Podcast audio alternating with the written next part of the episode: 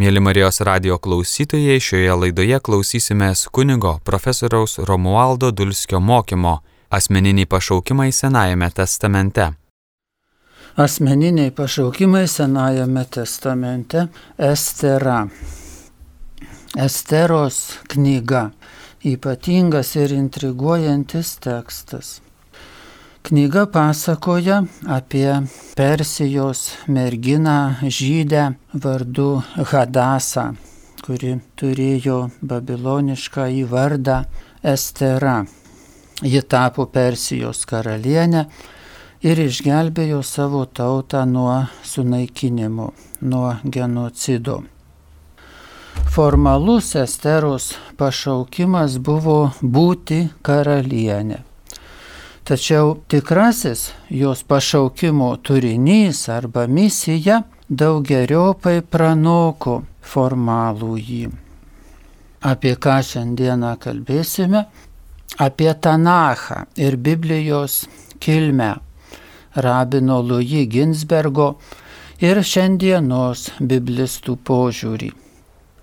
Apie tai, kad Esteros knygoje neminimas Dievas, tačiau pateikiama intriguojanti perspektyva mūsų gyvenimui. Apie tai, ką Esteros knyga byloja mums, šiandienos žmonėms, tiek tikintiems, tiek netikintiems. Apie kiekvieno mūsų pašaukimo ypatingumą ir apie tai, kad būtina išvysti platesnius savo pašaukimo horizontus. Apie babiloniečių deivę ištar ir apie tai, kad esame pašaukti atpažinti savo dieviškumą ir dievišką misiją. Esteros knyga parašyta ketvirto amžiaus prieš Kristų pabaigoje.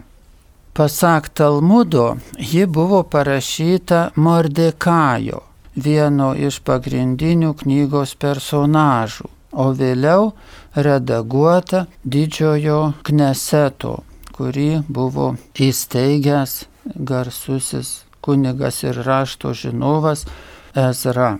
Esteros knyga buvo paskutinė 24 knyga priimta į Tanachą Tai yra žydų ar judaizmo Biblijos raštų rinkinį.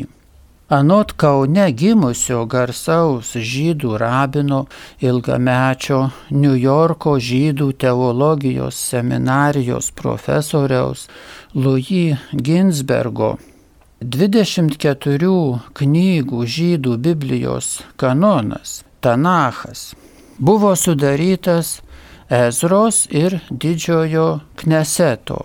Didysis knesetas susidarė iš 120 rašto žinovų, išminčių ir pranašų. Žydų Biblija arba Tanachas buvo jų sudarytas anot Louis Ginsbergo apie 450 metus prieš Kristų. Louis Ginsbergas ir kiti jo laikmečio 20-ojo amžiaus pradžios ir vidurio žydų teologai, rabinai laikėsi panašios nuomonės. Tačiau Šiandienos mokslininkai nesutarė, kada žydų Biblijos kanonas buvo galutinai sudarytas. Tačiau vienbalsiai jį nukelia į vėlesnį metą Vieni mano, kad Biblijos kanonas, galu, žydų Biblijos kanonas galutinai buvo sudarytas antrame ir pirmame amžiuje prieš Kristų. Kiti, kad kanonas nebuvo galutinai sudarytas net lygi antrojo amžiaus po Kristaus, ar netgi dar vėliau.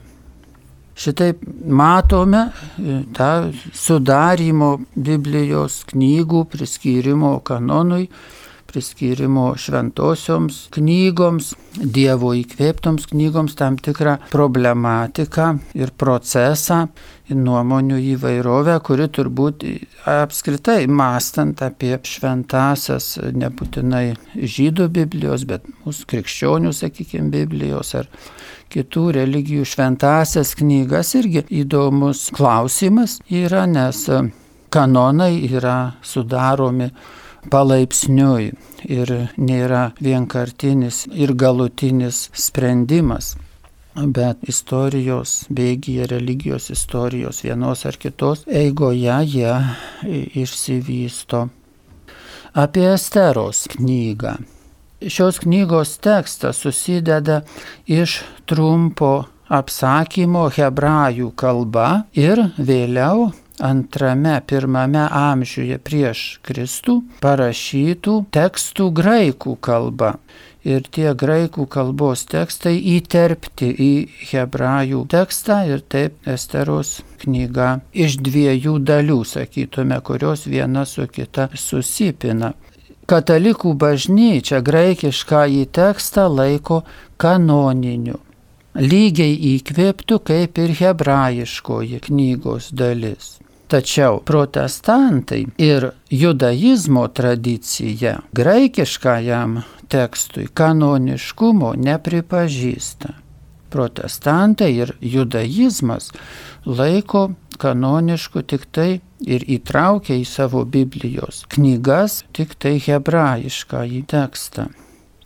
Estera yra žydaitės Hadasos, lietuviškai mirtos, babilonietiškas vardas, kildinamas iš persų kalbos žodžio stara ir reiškiantis žvaigždę. Arba kitas aiškinimas, kad tai yra modifikuotas babiloniečių deivės ištar vardas. Deivė ištar buvo viena iš populiariausių Babilonijos deivių. Talmudas Esterą laiko pranašę, suteikia jai didesnį svorį, didesnį autoritetą žydų tautos istorijoje. Esteros knyga laikytina pamokančiu ir padrasinančiu didaktiniu apsakymu, o ne istorijos veikalu kadangi Dievas hebrajiškam tekste neminimas, tai jo veikimas net ir įtraukiant graikiškasias intarpas vis tiek lieka visoji knygos istorijoje, tuose pasakojimuose ganėtinai nematomas. Dievas atrodo palieka visą sceną, visą veikimą žmonėms. Ir tai įdomu, nes žmonės to ir imasi. Imasi atlikti tai, kas net viršyje jų jėgas, žiūrint įprastų žvilgsnių. Esteros knyga galėtume sakyti tarsi kokia 20-ojo amžiaus žydų holokausto nuojauta ar pranašystė. Nes štai citata iš Esteros trečiojo skyriaus 13 eilutės laiškai buvo išsiųsti į visas karaliaus valdas, kad visi žydai, jauni ir seni, moterys ir vaikai, turi būti sunaikinti, išžudyti. Įdomu, kad Esteros knygos pabaigoje randame žydų nepaprastą kerštingumą, kai jie rašoma, jog išžudė savo priešus. Tačiau šį pasakojimą reikėtų traktuoti, perkelti ne dvasinę prasme, atsimenant, kad ir pats pasakojimas nėra istorinis tekstas, bet didaktinis. Ką Esteros knyga kalba apie mūsų pašaukimą, ką jis sako mums?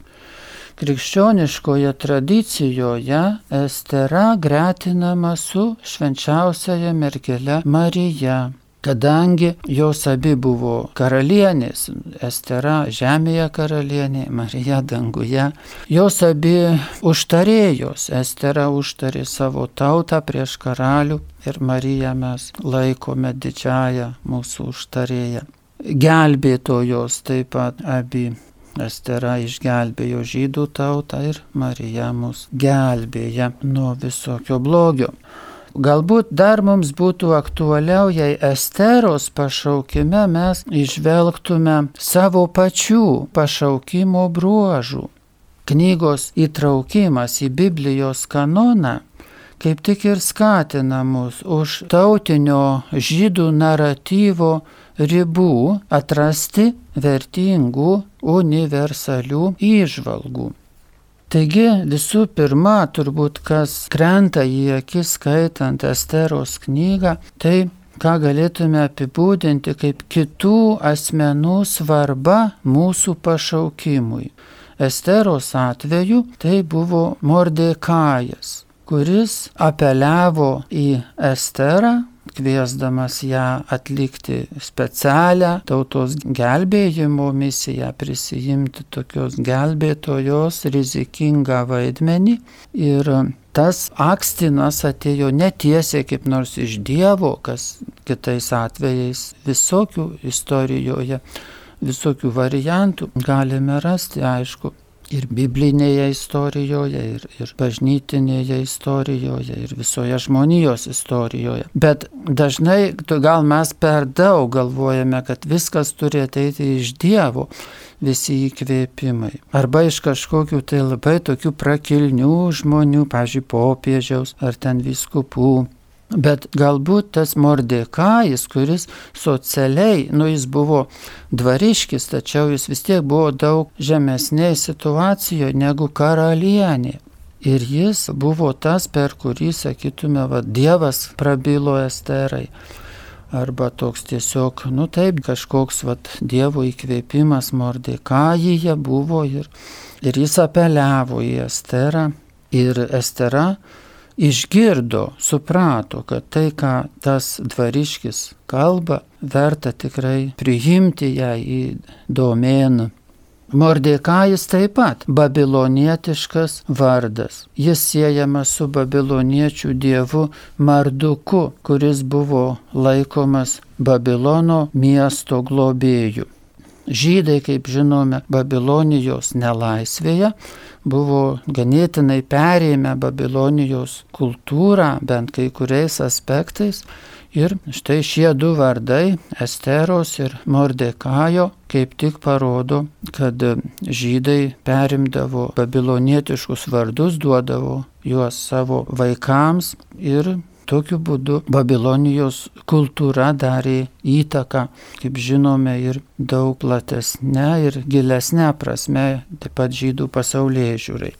Ir e, toliau, ką mes galime išvelgti, mąstydami apie žmogaus pašaukimą ir taip pat savo pašaukimą, kad dažna mūsų gyvenimo arba pašaukimo dilema yra, žvelgiant į Esteros knygą, pasirinkti patogumą ar naudą, ar tokį nesuinteresuotą tarnavimą, kilnę dvasiškumą.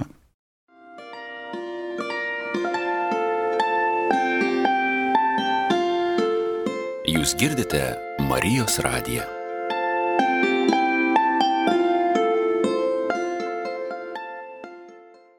Kai Mordekajui buvo pranešta, ką Estera buvo sakiusi, pasakoja Esteros knyga, jis liepė taip Esterai atsakyti. Nes Estera pradžioje nebuvo užtikrinta, kad tikrai jinai gali imtis tos misijos. Taigi Mordekajus apeliavo į ją. Nemanyk, kad karaliaus rūmuose būsi saugesnė negu kiti žydai. Juk jeigu iš tikrųjų tylėsi tokiu metu kaip dabar, žydams pagalba ir išgelbėjimas ateis iš kitos vietos, bet tu ir tavo tėvo šeima pražus. Citatos pabaiga matome mūsų saugumas iš tikrųjų šiame pasaulyje, jis visuomet yra sąlyginis. Saugumas yra turbūt pats svarbiausias žmogaus poreikis. Visų pirma, mes norime būti saugus ir jeigu iškyla nesaugumas, mes labai tuo susirūpiname ir tai mums yra didžiulis stresas ir ieškome vėl, kaip rasti tą saugią egzistenciją, kaip išvengti bet kokio nesaugumo. ir įsikūrę saugiai, gyvendami saugiai, tada jau mes pamatome, sakytume, kitus savo poreikius. Pavalgyti, pamiegoti ar, ar ką nors sukurti. Taigi saugumas yra toks labai svarbus. Ir būtent Estera vykdydama savo misiją turėjo tą saugumą visiškai padaryti tokį, kaip sakytume, trapų atsisakyti įprasto saugumo, kuris buvo jai suteiktas pagal jos statusą, kada ji buvo karalienė ir galėjo savo mėgautis tokią ramybę karaliaus dvare komfortabiliai gyventi ir staiga toji misija visų pirma ji pakirto jos saugumo garantijas. Kita, ką galime pastebėti, ką Estera atsiliepdama į tą Mordikajo raginimą ir suprasdama, kad iš tikrųjų ji nebus saugesnė, jeigu ji nevykdys to, ką sakytume Dievas, bet kadangi ten Dievas hebrajiškam tekste neminimas, tai galim sakyti ir likimas, tiesiog aplinkybės tokios ją stumia į tokį kilneširdišką atsiliepimą į tą situaciją, rizikuojant savo saugumu. Ir ką daro Estera? Ji čia irgi matome didžiulę, turbūt tokią praktinę išmintį. Viena vertus reiškia atsisakyti tariamo saugumo, to rinktis tą kilnę širdystę, didžią dvasišką kelią. Kita vertus, jinai sako Mordekajui, eik surink visus žydus, kurie gyvena Susoje, pasninkaukite už mane, nevalgykite ir negerkite per tris dienas, nei naktį, nei dieną. Ir aš drauge su savo tarnaitėmis, kaip ir jūs, pasninkausiu. Paskui eisiu pas karalių. Jeigu turėsiu žūti, žūsiu. Esteros ketvirtos skyriaus citata. Taigi matome, kad prieš imdamasi to rizikingo žygio ji ėmėsi pasninkauti ir prašyti tos pasninko paramos kitų žmonių. Pasninkas bibliniam kontekste yra taip pat nusižeminimas prieš Dievą, kad tu nu nevaldai savo, kai kada savo situacijos, o gal visada, visada gal mes iš tikrųjų mums tik atrodo, kad valdom situaciją, nors darom, bet visa tai Visą tai dažnai įvyksta tiesiog, ką planuojam, bet tikrai turim turbūt visi patirtį, kad ne visada įvyksta, kas atrodo savajame suprantama. Taigi tas pasninkas, nusižeminimas prieš Dievą arba sakytume kenotinė gyja mūsų gyvenime. Kenozė, apie kurią kalbame, kai kalbame apie Kristų, kaip jis nužemino pats save būdamas Dievo sūnus Dievo atvaizdas ir prisijėmė žmogaus vargstančio, kenčiančio, galinčio patirti visą, kas žmogiška, visus žmogiškus vargus pavydalą. Mūsų gyvenime Esteros atveju matome tą kenotiškumą, nusižeminimą, išreiškiamą konkrečiai pasninko būdu. Esteros knygos graikiškame priedė 15 skyriuje nuostabiai į Mordekajo lūpas įdedama Esteros apibūdinimas. Estera tai šaltinis, kuris tapo upe.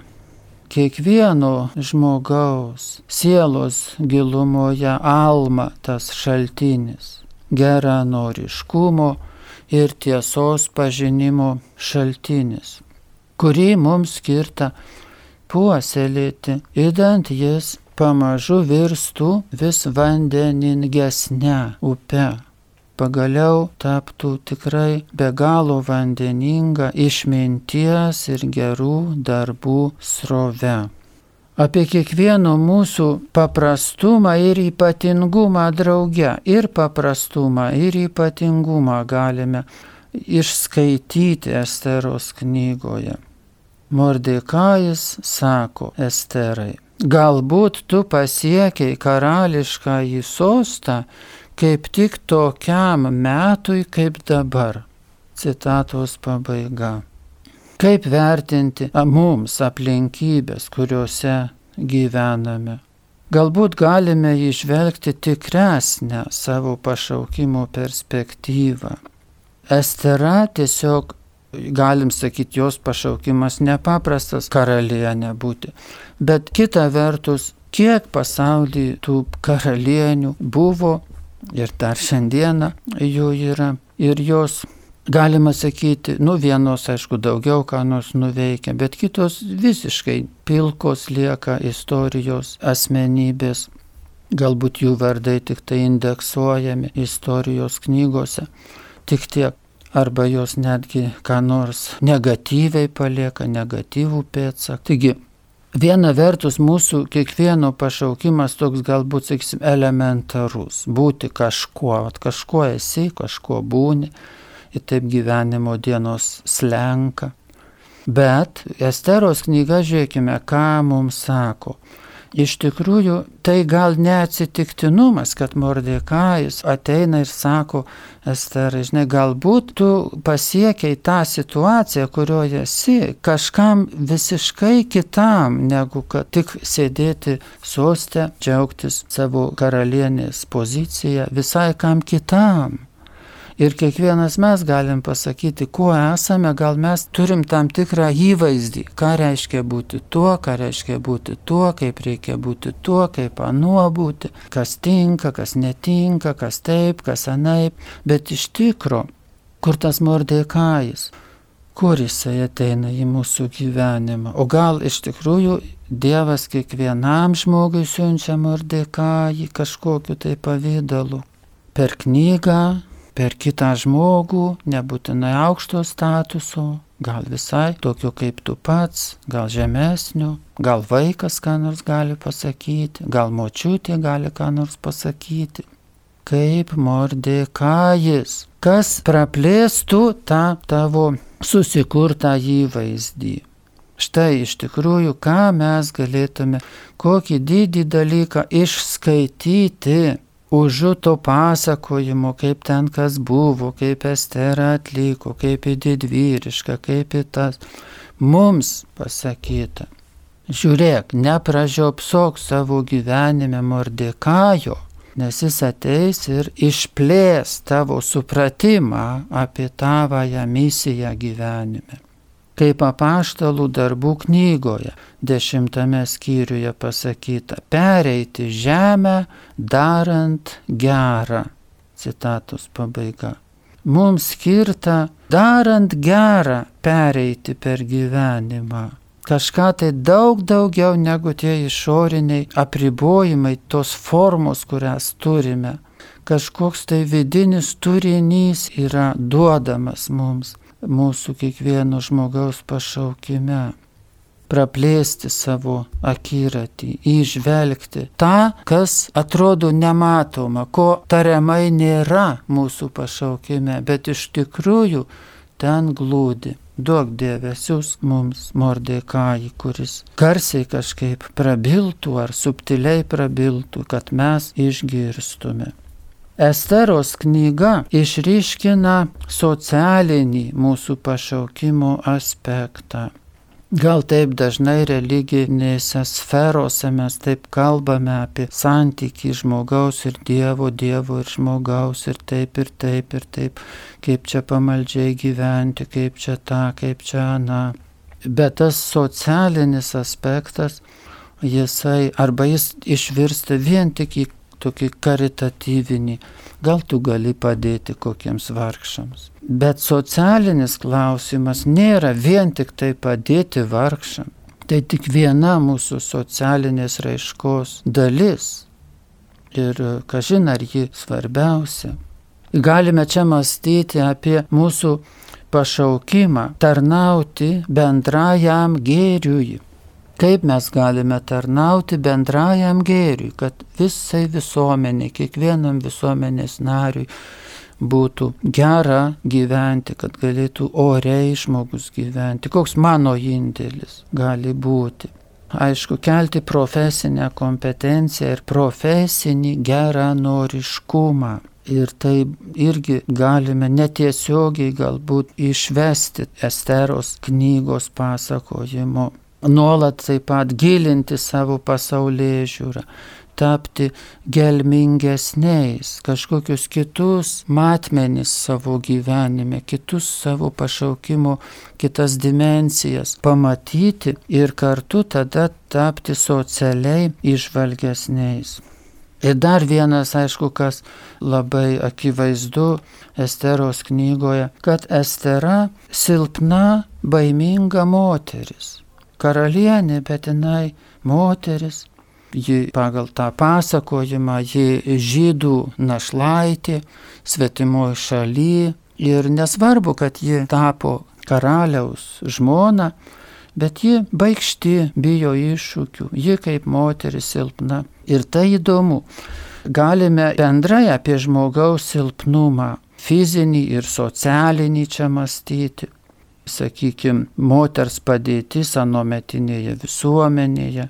Bet šiandieną yra įvairių tokių silpnumo aspektų, psichologiniai visokie, ne visi vienodai stiprų žmonės, aišku, ir socialinė padėtis vienų, sakykim, stipri, kitų ne.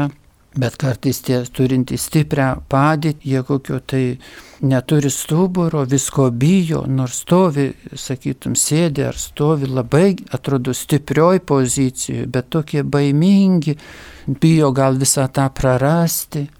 Ir štai visas tas silpnumas ir baimingumas iš tikrųjų, ką Esteros knyga sako, jis yra įveikiamas natūralu, kad tu jauti, reiškia, baimę, kad, kad silpnumą, nerištingumą jaučiame.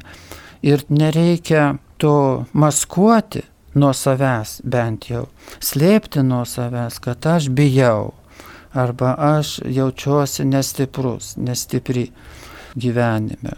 Gal ne vienu aspektu. Bet žiūrėkime, Esteros istorija sako, kad iš tikrųjų tai nėra tokia kliūtis, kurios negalėtume įveikti. Ir koks įveikimas yra to įvairiopo baimingumo ar silpnumo įveikimas, kas nugali, yra motivacija. Kadangi Estera buvo labai motivuota.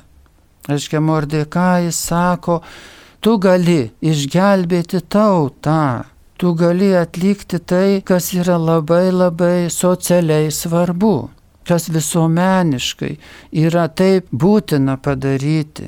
Ir aišku, tu gali sakyti, o tegul kiti padaro. Bet likimas arba Dievo valia tokia, kad tautas duodama padaryti.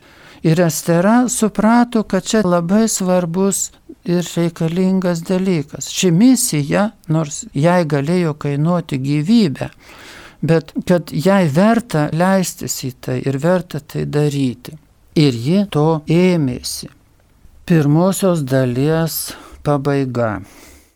Šioje laidoje klausimės kunigo profesoriaus Romualdo Dulskio mokymo Asmeninį pašaukimą į Senajame testamente. Likite su Marijos radiju.